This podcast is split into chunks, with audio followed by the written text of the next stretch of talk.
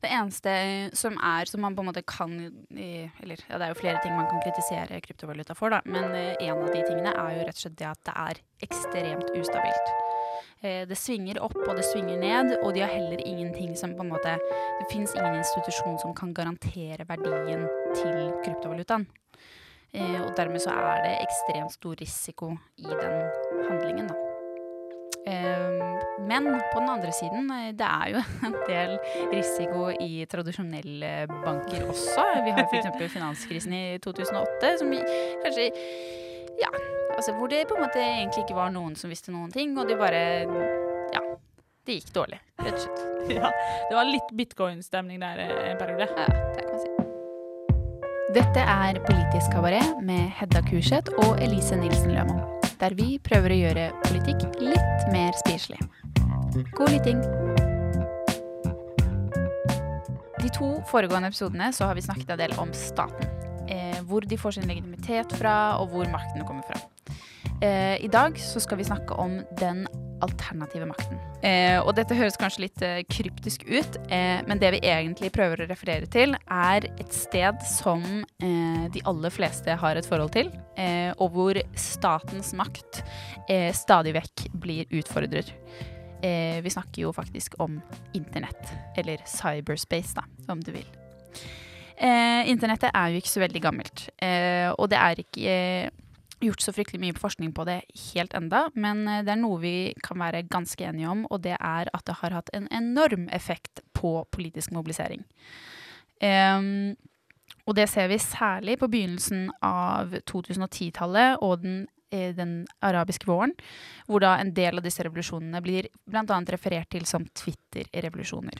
Og det er jo nettopp fordi at Twitter spilte en helt sentral rolle i å mobilisere, samle eh, folket innad i eh, et samfunn, men også å bygge broer mellom samfunn og spre revolusjonære tanker og ideer.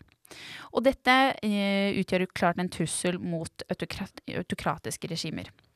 Og dermed eh, så ligger det innenfor deres interesser å begrense befolkningens tilgang til internett. Kontrollere hva som er der, hvilken informasjon de har tilgang til, og hva de har muligheten til å si og dele der. Eh, kanskje det mest typiske eksempelet er jo hvordan eh, Kina, Iran og Cuba f.eks. Eh, har strenge begrensninger på hva innbyggerne har eh, tilgang til på internettet.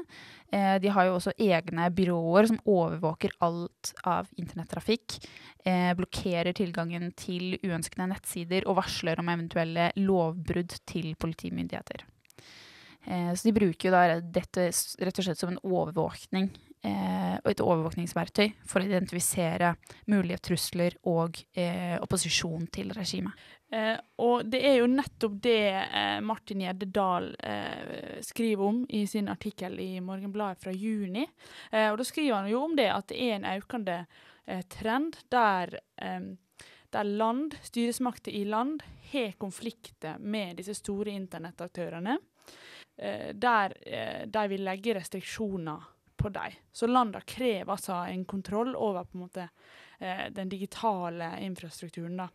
Og Et eksempel på det, og der er jo mange, mange like eksempel, er jo f.eks. fra Nigeria. Eh, der, eh, der, Twitter sletta eh, noen av tweetene til presidenten fordi de mente at eh, den trua eh, med vold da, mot en sånn separatistbevegelse. og da svarte jo regjeringa i Nigeria med å stenge Twitter eh, ute av landet. Um, og det samme skjer jo på en måte i USA. Eh, nylig så eh, stengte de 33 iranske eh, internettsted eh, fordi de hadde da, eh, amerikanske domener, da, altså .com eller um, Og da mente de at de lå under amerikansk lov, og de mente også at de spredde på en måte feilinformasjon. Eh, og Derfor stengte USA de ned. Og eh, Dette her er jo et tydelig eksempel der staten eh, går inn i det som på en måte skulle være noe ustatlig. da. Ja, fordi der er du jo egentlig også over eh, på noe som er veldig interessant, og det er det at sensur Når vi hører sensur, så tenker vi gjerne på liksom autokratier, det er diktatorer, og det er eh, hjernevasking. Men sensur av internett skjer jo egentlig like mye i demokratier, annet som USA, som du sier.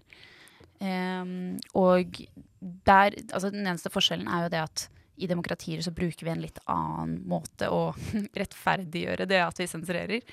Um, vi ønsker liksom å beskytte borgerne mot hatytringer um, eller falsk informasjon. Da. Ja, og det kan nå en uh, forsvare på veldig uh, mange måter. Uh, men uansett om det er demokrati eller autokrati, så er jo det en måte å eh, gå inn i denne internettsfæren. Statlig kontroll i internett. Eh, og eh, jeg og du, Elise, så jo en eh, veldig interessant dokumentar, norsk dokumentar faktisk, på eh, Biff i fjor. Det var kjempekult. ja, Som heter Meet the Sensor, da, av Håvard eh, Håvard Fossum. Håvard Fossum. Eh, og han var jo det er egentlig litt sånn morsom dokumentar, for den, den, er egentlig veldig sånn eh, banal. Og han skal kartlegge hvordan sensur fungerer eh, verden over. Og vi snakka jo i hvert fall om at sånn noen, kanskje dette her med hatytringer spesielt, kan jeg på en måte forstå er et argument. At en vil eh, kanskje sensurere det på en eller annen måte. Om det så er å på en måte merke hva som er feilinformasjon og den slags. Eh, og han reiste jo til veldig mange eh, land. Han reiste jo til Kina, han reiste til Tyskland, Sør-Sudan. USA. Og, eh, og, viste hvordan sensur fungerte i praksis. vi var ikke like stor fans av, uh, store fans av sensur når vi kom ut av den eh, kinosalen. Nei, ikke sant. Jeg husker gjerne at jeg, jeg gikk på en måte inn der med samme mentalitet. At sånn, eh, kanskje det ikke er så dumt å sensurere noe, eh, i hvert fall. Men eh, når jeg gikk ut derfra, så følte jeg bare sånn Herregud, vi kan jo ikke Vi kan ikke og burde ikke sensurere noe noensinne. og også fordi at det bare er kjempevanskelig. veldig vanskelig i praksis. Og eh, Han bytter veldig mellom disse landene. Så han er i India, og så skal han være med på et sånt møte der de skal eh, se på noen sånne erotiske filmer. da.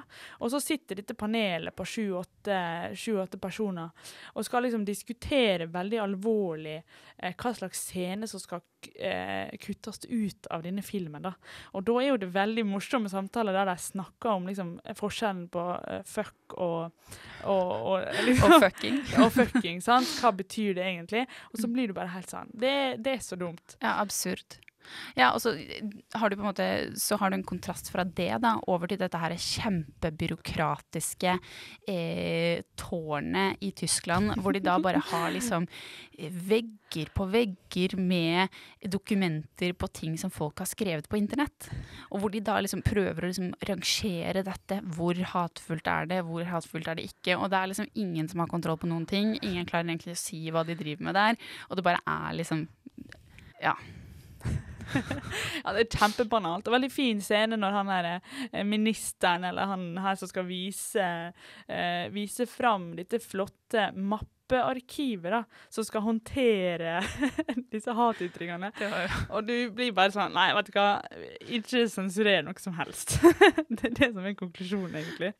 Men eh, fra spøk til alvor, en annen ting som jeg husker eh, veldig godt fra den filmen, var jo eh, at det stedet som var absolutt strengest på sensuren, og som ikke ville snakke med han Håvard engang, eh, når han kom dit og spurte om intervju han, han, var jo egentlig veldig sånn hadde ikke noe, Han var ikke der for å dømme eller for å være noen sånn gravende journalist i det hele tatt. Han ville bare vite hvordan det fungerte.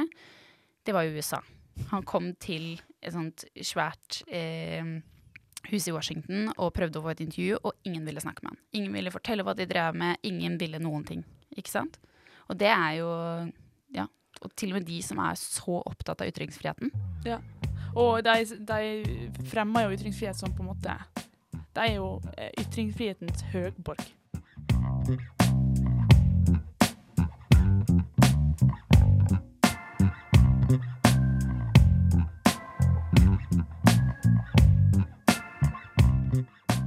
Det vi snakker om nå, eh, det viser jo veldig at staten vil inn på internett. Um, men hva betyr det egentlig at vi har et internett uten en stat? Med det så går vi jo egentlig veldig tilbake til den originale tanken eh, til internett. Det som er veldig interessant, er jo at ved internetts opprinnelse så var tanken at det skulle være helt fritt, og at det ikke skulle være noen stat til stede på internett. Eh, og denne tanken syns jeg kommer helt eh, nydelig fram av en artikkel som heter The Declaration of the Independence of Cyberspace, eh, som er skrevet av eh, John Perry Barlows, en av internetts pionerer. Høres jo veldig amerikansk ut, bare du. Ja, det gjør det. Absolutt. Og det blir verre.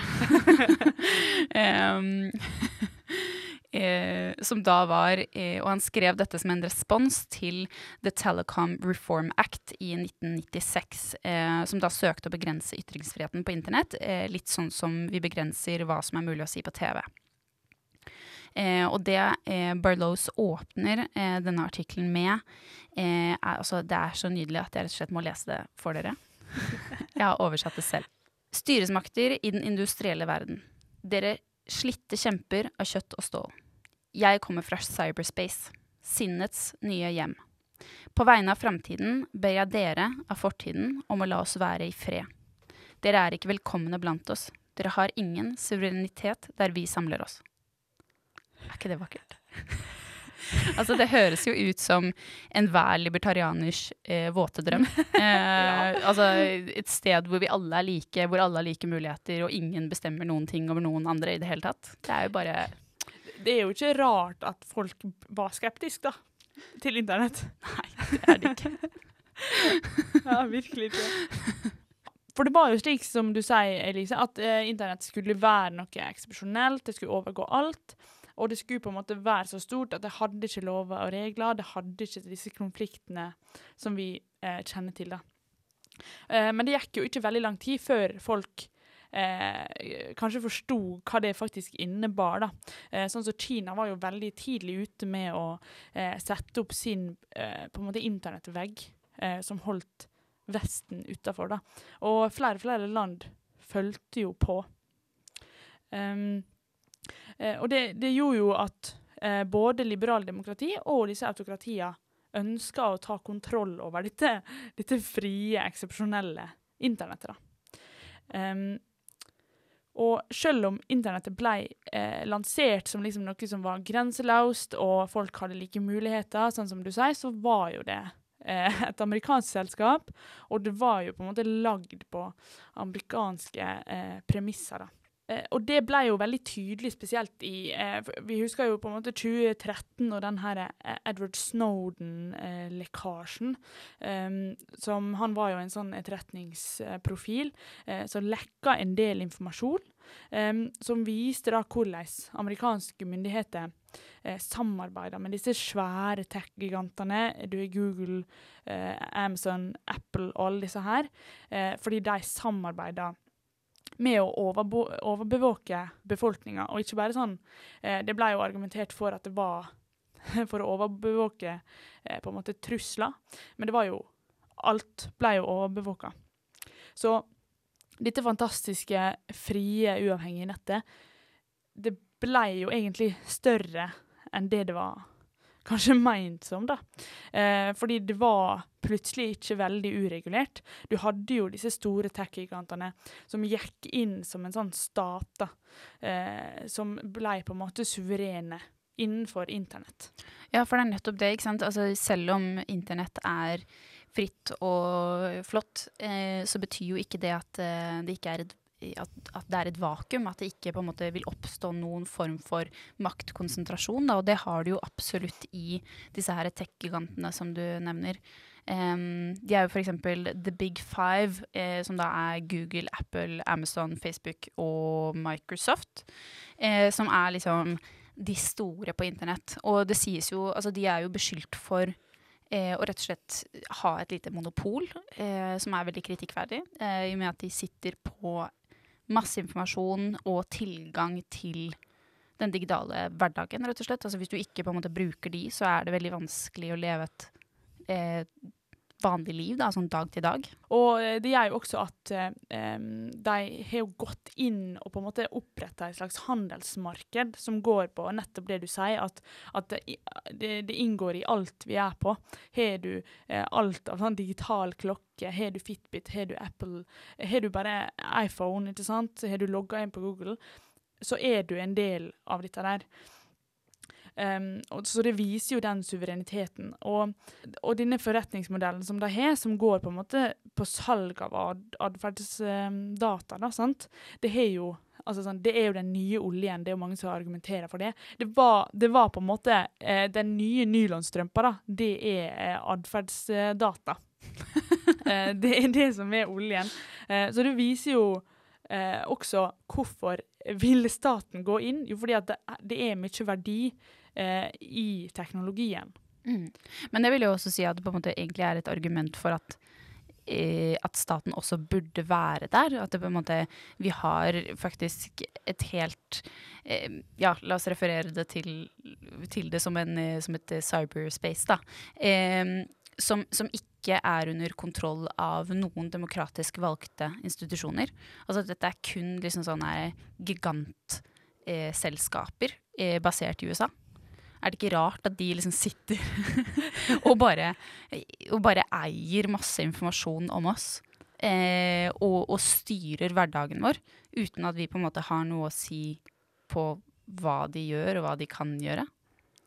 Ja, og at de, eh, det er jo så nytt at det er jo heller ikke noe sånn lovgivning som de er under, som de må forholde seg til. Eh, så, så det er jo på mange måter helt sånn fritt vilt i, i hva de kan bruke disse dataene eh, på. Men, men igjen da så har jo du mange land som vil spille ball, eh, og det ser du spesielt i den diskusjonen som går på helsedata, da. Eh, spesielt i Norge. Og dette her har vi skrevet masse om siste tida, og kommer til å bli skrevet mye om framover også. Så er jo det det at eh, Norge og Norden sitter på spesielt mye helsedata. Eh, fordi vi har så mange år med institusjoner eh, som har eh, drevet med helseundersøkelser. Eh, og vi har jo dette her de kaller biobanker. Vi har helseregister om alt fra eh, på en måte sykdom og død og eh, som- Fødsel. fødsel og eh, Vaksiner. Ja, sant. Og eh, bare sånn livsløp er, er dokumentert liksom 75 år tilbake i tid. da. Og for Google og disse store gigantene så er jo det enorm data eh, og mye verdi eh, som de kan bruke til eh, forskjellige ting. da. Eh, og dette ønsket om å forene helse og teknologi, det er jo det, Når vi snakker om det sånn, så høres det jo Skummelt ut. ja, det høres kjempeskummelt ut, men samtidig så betyr jo det at em, tjenestene blir jo bedre. Vi har jo sånn som Helse-Norge. Eh, du har mer legetjenester på internett, og det gjør jo dette her med e-helsetjenesten, som de kaller det. Eh, koronasertifikat er jo en eh, kjempefin eh, greie, egentlig, som på en måte kommer med dette her med å eh, Ja, at helsenæringa blir kombinert med teknologien. Og så er det jo Jeg husker du fortalte meg også at sånn Altså hvis du har på deg en sånn Fitbit-klokke, da, eller en, eh, en eller annen treningsklokke, så er det jo, har du jo faktisk der tilgang til din helse. til din Altså, det, det er på en måte Ja. Det, det er ikke noe vi, som bare liksom kommer helt ut av ingenting. Som er helt nytt. det er jo på en måte sånne små case-studier av, eh, studier av alle, alle folk som går rundt med helseapper og ditten og datten, som går rett tilbake til eh, Silicon eh, Valley. Og eh, dette her med helsedata, det er bare for å eh, vise liksom, betydninga av det, så var jo det veldig tydelig under korona hvordan, eh, hvor viktig det er for disse store selskapene. Eh, der så jo du at eh, grunn, en av grunnene til at Israel kom så godt i gang med koronavaksineringa si, var jo fordi de var villige til å forhandle med helsedata til Pfizer, da, blant annet, sånn de kom lenger fram i køa. Eh, og der var jo Norge og de fleste andre land sa jo nei til eh, det byttet, da. Eh, og det er jo litt fordi at helsedataen i Norge er veldig strengt regulert. Det er ikke så lett å eh, bare selge det.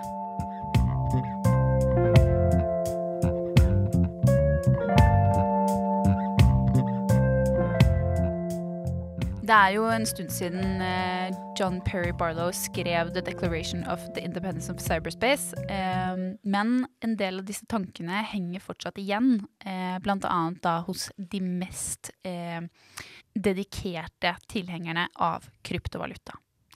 Og nå skal vi snakke om noe som kanskje ikke vi har helt full kontroll på.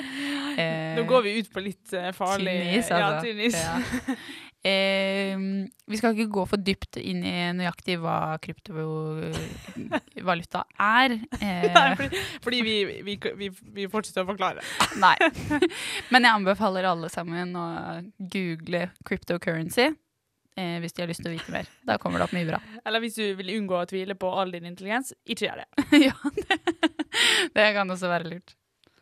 Men ja.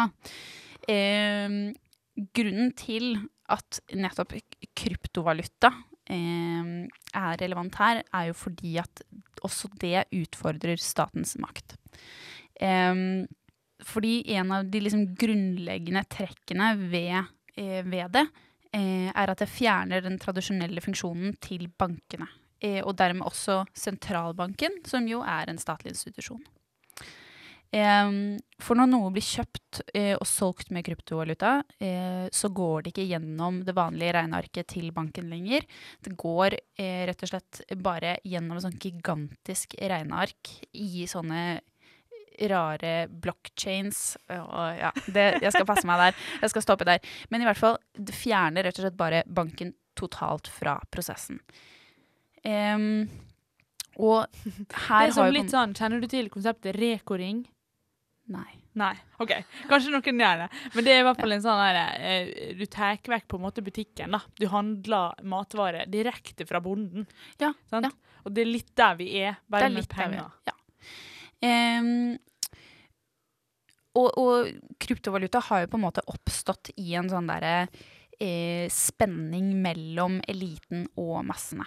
Eh, det har Altså, tenk liksom eh, Occupy Wall Street, eh, We are the 99 eh, ånd, rett og slett. Fordi at bankene sitter på eh, enorme mengder velstand. Og det er ikke egentlig sånn at hvem som helst kan på en måte få tilgang til det spillet som de kaller finans. det er en del der som på en måte kun de eh, seg imellom eh, faktisk vet hvordan de skal gjøre. Og det er jo eh, Det er nettopp der det på en måte kryptovalutaen kommer og er som en sånn derre eksplosjon for eh, alle og enhver som sitter og har tilgang til internett, og som da kan få muligheten til å tjene masse penger eh, på investering. Og eh, den, den der er jo litt fin, for uh, i hvert fall sånn personlig så er dette her med kryptovaluta er jo noe jeg kanskje ser på litt som Jeg har i hvert fall en følelse av at det er litt sånn svartebørsfølelse på det, da. Eh, men hvis du, hvis du går inn i sånn som denne her eh, Occupy Wall Street-bevegelsen eh, fra 2011, som nettopp, akkurat sånn som du sa, eh, demonstrerte mot disse store selskapene og hvor stor makt de har. Og da er jo det kryptovaluta faktisk et alternativ, da. Eh, som kan utfordre den makta, eh, dersom folk vil det. Det kan man absolutt si. Det eneste eh, som er, som man på en måte kan Eller ja, det er jo flere ting man kan kritisere kryptovaluta for, da. Men eh, en av de tingene er jo rett og slett det at det er ekstremt ustabilt. Eh, Det svinger opp og det svinger ned, og de har heller ingenting som på en måte Det fins ingen institusjon som kan garantere verdien til kryptovalutaen. Og dermed så er det ekstremt stor risiko i den handlingen, da. Um, men på den andre siden, eh, det er jo en del risiko i tradisjonelle banker også. Vi har f.eks. finanskrisen i 2008, som vi kanskje Ja, altså hvor det på en måte egentlig ikke var noen som visste noen ting, og de bare Ja. Det gikk dårlig, rett og slett. ja, det var litt bitcoin-stemning der eh, en periode. Ja, det kan man si. Litt sånn eh, det, Ja, hva heter det? Eh, kasino. um, men det er jo der også eh, det er interessant, da. Dersom eh, vi hadde sagt at eh, OK, vi tar fullstendig avstand fra disse store bankene og institusjonene, eh, så går alle over til krypto. Så er jo det eh, Du ser jo nå, det har vi snakka om eh, tidligere, at statene vil inn på internett. De vil ta over den eh, suvereniteten. Så da er jo det spørsmålet hadde eh, vi gått inn i kryptovalutaen eh, dersom det var det som var den eh, liksom regjerende verdien, da. Det er et veldig godt spørsmål. Kjøpte Dogecoin med norske oljepenger. Nei, det er godt. eh, og nå er jo det faktisk sånn, akkurat på dette her med stat inn i kryptovaluta, eh, nå har jo faktisk eh, oljefondet eh, investert i bitcoins. Det er sant. Det, Hvilken uh, kryptocoin er det? Det er bitcoin, ja. Å, herregud. det som er litt dumt med, med denne kryptovalutaen, er at man kan jo ikke kjøpe noen ting med det. Unntatt Altså- sånne veldig shady kafeer som selger kambucha og, og sånn. Er det Der sant? kan, står det sånn eh, Du kan kjøpe med bitcoins. Er det sant? Ja, det er sett. Det er sjukt. Og sånn Tesla og sånn sa jo at du skulle kunne kjøpe Tesla med bitcoin. Ehm, men det, det trakk de tilbake. Ja, det, Så det, de, de turte ikke helt. det er vel flere som uh, har gjort det. Og det som er morsomt, da, er jo at bare det at de trakk det, så gikk jo bitcoin opp og Den stupte ja. jo, ikke sant? For det er nettopp det. Det er så utrolig skjørt. Det er én liten Twitter-melding fra Elon Musk, og så bare stuper den. Nei, vilt. Og ingen bank som på en måte kan sitte der og, og være ansvarlig etterpå. Men, men uansett så er jo det eh, Jeg syns jo det er morsomt dette her med at det er ting som vil utfordre denne statlige makta. Eh, for det er jo helt klart at OK, vi oppretter internettet, eh, så vil staten inn der også.